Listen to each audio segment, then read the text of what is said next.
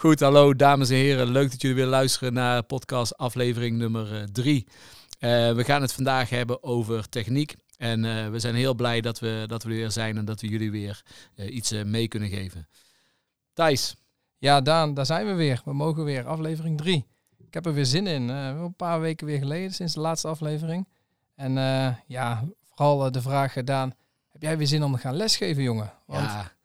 Volgens mij, ik, ik denk dat ik mijn schoenen moet af gaan stoffen. Uh, maar ik heb er ontzettend veel, uh, veel zin in. Uh, ik heb zin om het gas weer te ruiken. Ik heb zin om mijn studenten weer te zien. en ik heb vooral zin om weer met spel bezig te zijn. En niet alleen met deze podcast, maar ook gewoon letterlijk op het veld. Ja, ik kan het alleen maar beamen, Daan. Ik heb er enorm veel zin in om weer lekker aan de slag te gaan. En, en het mooie vak van het sportsport te mogen uitoefenen. Dus let's go!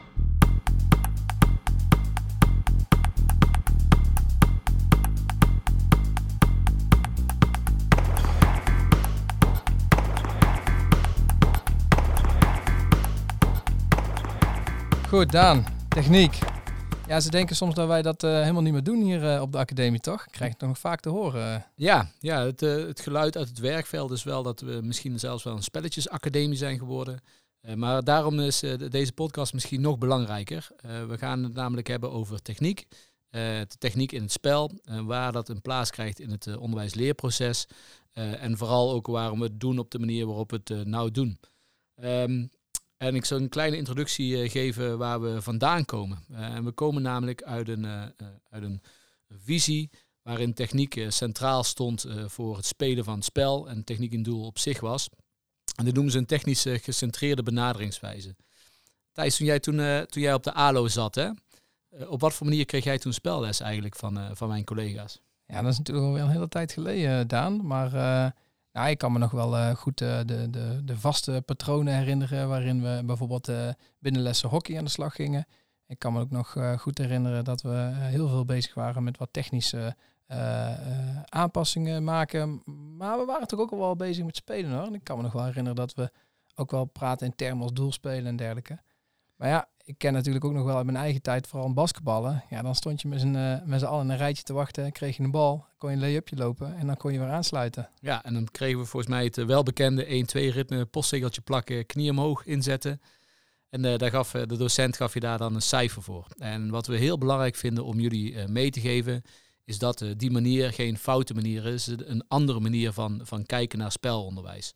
Um, maar die manier die komt ergens vandaan. En uh, die komt er vandaan onder andere dat, uh, dat het uh, een docent een gevoel van controle geeft. Namelijk als ik heel een, een techniek stapsgewijs aan kan leren, dan geeft het mij een heel erg gevoel van controle. Oké, ik doe eerst stap 1, dan stap 2 en dan stap 3. maar dat is misschien zelfs wel schijncontrole. En tegelijkertijd komt die benaderingswijze, die technisch gecentreerde benaderingswijze, die komt ook ergens vandaan. Uh, namelijk, uh, het is een, een, traditionele, een benaderingswijze die al heel lang uh, vorm heeft gekregen. En ik denk dat jullie allemaal wel eens een keer een tafeltenniswedstrijd in China hebben gezien. Of misschien wel een training in China waar kinderen echt gedrild worden. Het is niet verkeerd, want het, het, het motorisch leerproces in het kind gaat wel aan de gang. Maar om 10.000 uur bezig te zijn met lay-up, denk ik dat we daar op school niet heel veel tijd voor hebben.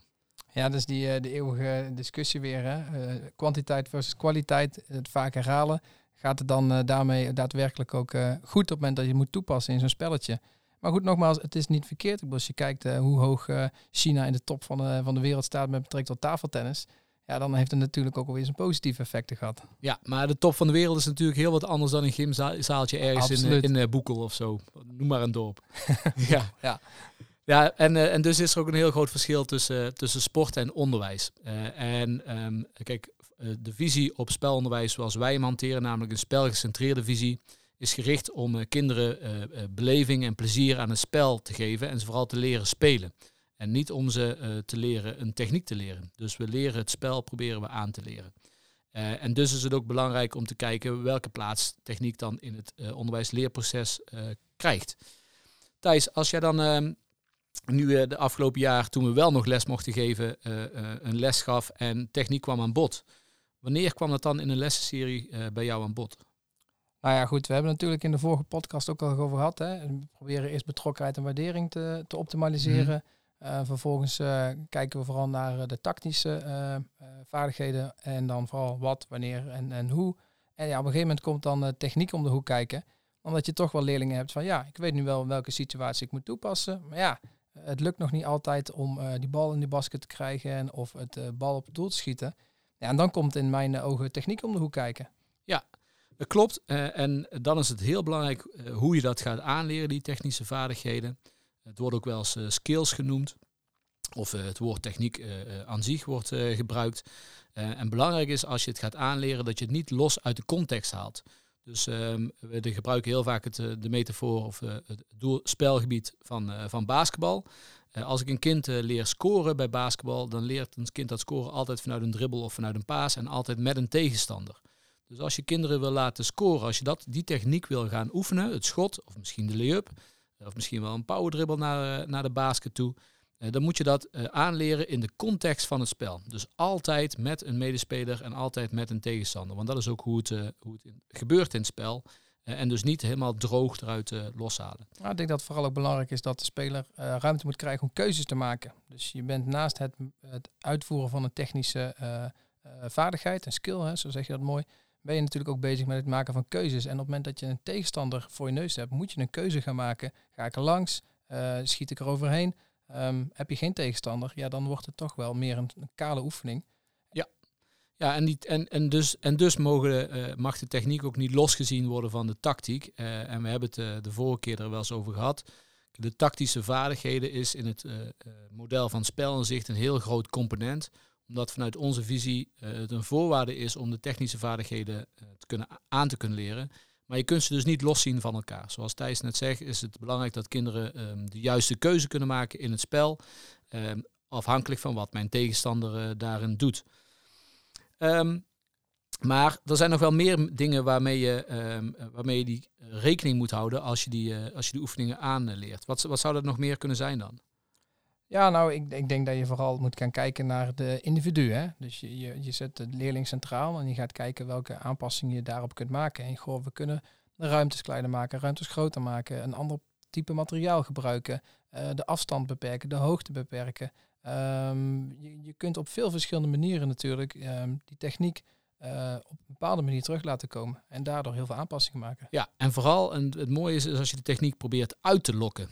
Um, heel simpel gezegd, uh, als ik een basket hoger hang, uh, dan gaat een kind automatisch de bal hoger schieten. Op het moment dat ik twee doeltjes neerzet bij, bij voetbal, dan gaat een kind kijken naar wat de beste optie is. Een doeltje dat misschien ver weg staat voor een hard schot, of misschien een doeltje waar die doorheen moet dribbelen. Dus um, probeer in je organisatie en vooral ook met de speelregels die je hebt, probeer je een bepaalde techniek uit te lokken. En um, dat is aanpassen aan het kind. Uh, en niet, de of niet het kind aanpassen aan de techniek. Nee.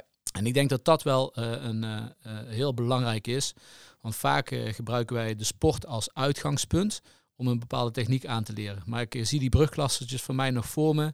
Die kregen dan zo'n mensgrote softbalhandschoen aan hun hand. En die kregen ineens een hele grote knuppel in de hand. Ja, dan kunnen ze de bal niet vangen. Dan kunnen ze de bal niet raken. Ook al geef ik ze de allerbeste tips en de, allerveel, de, de, meeste liefde die ik in me heb om het ze te leren. Maar dan moet ik gewoon dat materiaal aanpassen en niet dat kind. Nee, inderdaad, Daan. En uh, ik denk ook belangrijk is dat je natuurlijk ook altijd speluitdagingen in gedachten blijft houden. Hè, want uiteindelijk probeer je dingen wel aan te passen om daarin je leerdoel, of dat moment de uitdaging die staat, te behalen. Zeg Daan, we hadden het net al over die, uh, die Chinezen, hè? veel herhalen doen ze. Mm -hmm. hoe kijken wij er eigenlijk tegenaan? Want we denken daar toch een klein beetje anders over als we techniek behandelen. Nou ja, het mooiste verhaal, en het zou misschien nog wel een broodje aap kunnen zijn, maar ik vind het toch leuk om te vertellen. Eh, is Lionel Messi. Die kennen we volgens mij allemaal. Um, Lionel Messi is een hele goede voetballer geworden, omdat hij met heel veel verschillende omstandigheden om kan gaan. En die omstandigheden die heeft hij in zijn jonge jeugd met verschillende ballen, en eh, met verschillende ondergronden, heeft, heeft dat lijf al uh, dat opgeslagen. En het is natuurlijk een uitzonderlijk talent. Uh, ik wil ook niemand anders vergelijken met Lionel Messi. En zeggen als je, als je met een andere bal gaat spelen, dan dat je net zo goed wordt als Lionel Messi. Mhm. Um, maar variatie is, is essentieel. Want uh, geen enkel moment, geen enkele tegenstander, geen enkele paas, geen enkele ontvangst binnen een spel is hetzelfde. En als je die dan wel constant hetzelfde aanleert, dan heeft een, een speler of een kind heeft dan niet de mogelijkheid om te variëren in keuzes als hij voor een andere keuze komt te staan. Ja, en we weten natuurlijk ook met veel variatie uit onderzoek dat het ook ehm, bijdraagt aan minder blessures op latere leeftijd. Hè, door te leren over verschillende ondergronden, verschillende materialen. Maar naast bijvoorbeeld ook een keer met rechts te schieten, met links te schieten. Dus dat wil ook zeggen, een keer op een andere manier een beweging uitvoeren. Ja, blijkt een heel mooi positief effect te hebben op uh, die ontwikkeling. Ja, er, is zelfs, er zijn wel heel veel innovatieve zaken geweest. Ooit een keer in het hockey hebben ze met een, een eivormige bal gespeeld, omdat hij dan heel onvoorspelbaar was waar hij naar, uh, naartoe ging. Ik weet niet of dat blessure technisch handig is, want die eibal, eivormige bal die kan natuurlijk ook uh, tegen je hartjes aanknallen. Um, maar daarin, ja, probeer daar eens dingen in uit. Ook als je kinderen bijvoorbeeld leert tennissen. Laten we eens een keer met een grotere bal doen. Of misschien met een unihockeybal. Laat ze het rekken dus korter vastpakken. Zodat het raakpunt van waar ik de bal kan raken anders is. Alleen maar om de motorische skills zo breed mogelijk, breed mogelijk aan te leren. Hey, um, Thijs, wat ik volgens mij nog kan herinneren van mijn, van mijn eigen studententijd op de ALO, maar ook, um, ook nog wel toen ik zelf les heb gegeven. Want ik heb in eerste instantie heel vaak les gegeven op de manier waarop ik zelf les had gekregen. is dat, je, dat ik de techniek altijd opsplitste in allemaal verschillende fases. Weet je, een beetje een voorbereiding en dan een, een, gevolg wat erachter komt. Kun jij daar iets van, van herinneren hoe dat bij jou was gegaan? Ja, dan kijk ik vooral denk terug naar mijn eigen tijd als basketballer. Waarin wij ook al trainingen kregen waar inderdaad vaak dingen opgesplitst werden. Um, nou, wat ik zelf altijd wel daarbij ervaarde, is dat dat niet altijd in de praktijk tot zijn recht kwam. Op het moment dat ik dan een partijvorm ging spelen, ja, dan ben je er helemaal niet mee bezig. Joh. Nee. Dan ben je bezig met die bal gaat die basket in en mijn tegenstander voorkomen dat hij uh, dat mij daar probeert te beletten. Dus ja, je bent je eigenlijk niet meer mee bezig. En ik denk dat dat ook wel belangrijk is dat als je met techniek bezig bent, wat we net al eerder zeiden, toepassen in die authentieke context, uh, met dezelfde speelregels, met een verdediger, ruimte voor keuzes maken. Ja, dat je daardoor die, die techniek op een waardevollere manier uh, kunt wegzetten. Ja, een waardevollere, betekenisvolle manier en tegelijkertijd ook nog eens een keer een belevingsvolle manier. Ja. Uh, want heel vaak een bal overgooien of heel vaak droog een bal schieten of heel vaak droog pasen. Ja, daarmee haal je de volledige beleving van het spel weg. En natuurlijk kun je zeggen, oké, wie het eerst tien keer de bal heeft overgegooid, die heeft gewonnen. Maar uiteindelijk is dat een andere vorm van beleving. Dat is namelijk een bepaalde tijdsdruk en waar je iets op kunt winnen. Maar dat is niet de beleving van iets dat lukt omdat je een tegenstander passeert of dat je een hele mooie paas hebt gegeven. Dat is een totale andere beleving die, je, die daarbij hebt. Hey Daan, heb jij nog een, uh, een mooi voorbeeld uh, bij bijvoorbeeld de sport hockey? Ik zie toch vaak in de praktijk terug dat op het moment dat ze uh, het spelletje hockey gaan spelen en er echt de hockeystick erbij komt, ja, dan weten ze echt wel waar ze moeten scoren en wat ze moeten doen. Maar dan wordt het technisch wordt het zo moeilijk voor ze dat ze er echt wel uh, veel moeite mee hebben. Heb jij er nog een mooi voorbeeldje voor? Uh, ja, daar heb ik wel. Um, het kan namelijk, nou, uh, als er iets tussen mijn handen zit en de bal, vind ik het lastiger dan als ik de bal gewoon in mijn handen heb of de bal aan mijn voeten heb. Um, en bij een hockeystick is nou eenmaal de hockeystick gevormd met een bolle kant, waardoor je beperkt wordt in de mogelijkheid die je speelt. En je kunt het eigenlijk wel vergelijken dat je bijvoorbeeld een tennisracket in je handen hebt, maar dat je alleen maar met de voorhand mag spelen en niet met een backhand. Dus je, je, je speelmogelijkheden zijn beperkt. Uh, en dus zou je ook ervoor kunnen kiezen als je hockey uh, gaat geven op een uh, school. En je hebt kinderen die nog niet de vaardigheid hebben om de hockeystick te draaien. Om bijvoorbeeld met een unihockeystick te spelen. Dan lijkt me wel verstandig om ook de bal aan te passen. want zo'n harde hockeybal die, die slaat die plastic unihockeysticks natuurlijk helemaal stuk. Maar hierin kijken naar de mogelijkheid van, van de kinderen. Heb ik een brugklasse van 1,30 meter en ik geef hem een hockeystick in zijn handen van 95 centimeter. Ja, dat is het alsof hij gaat polstok hoog springen. Dus dat, dat, dan, is, dan is het materiaal zo beperkend voor de uitvoering van het, uh, uh, van het kind.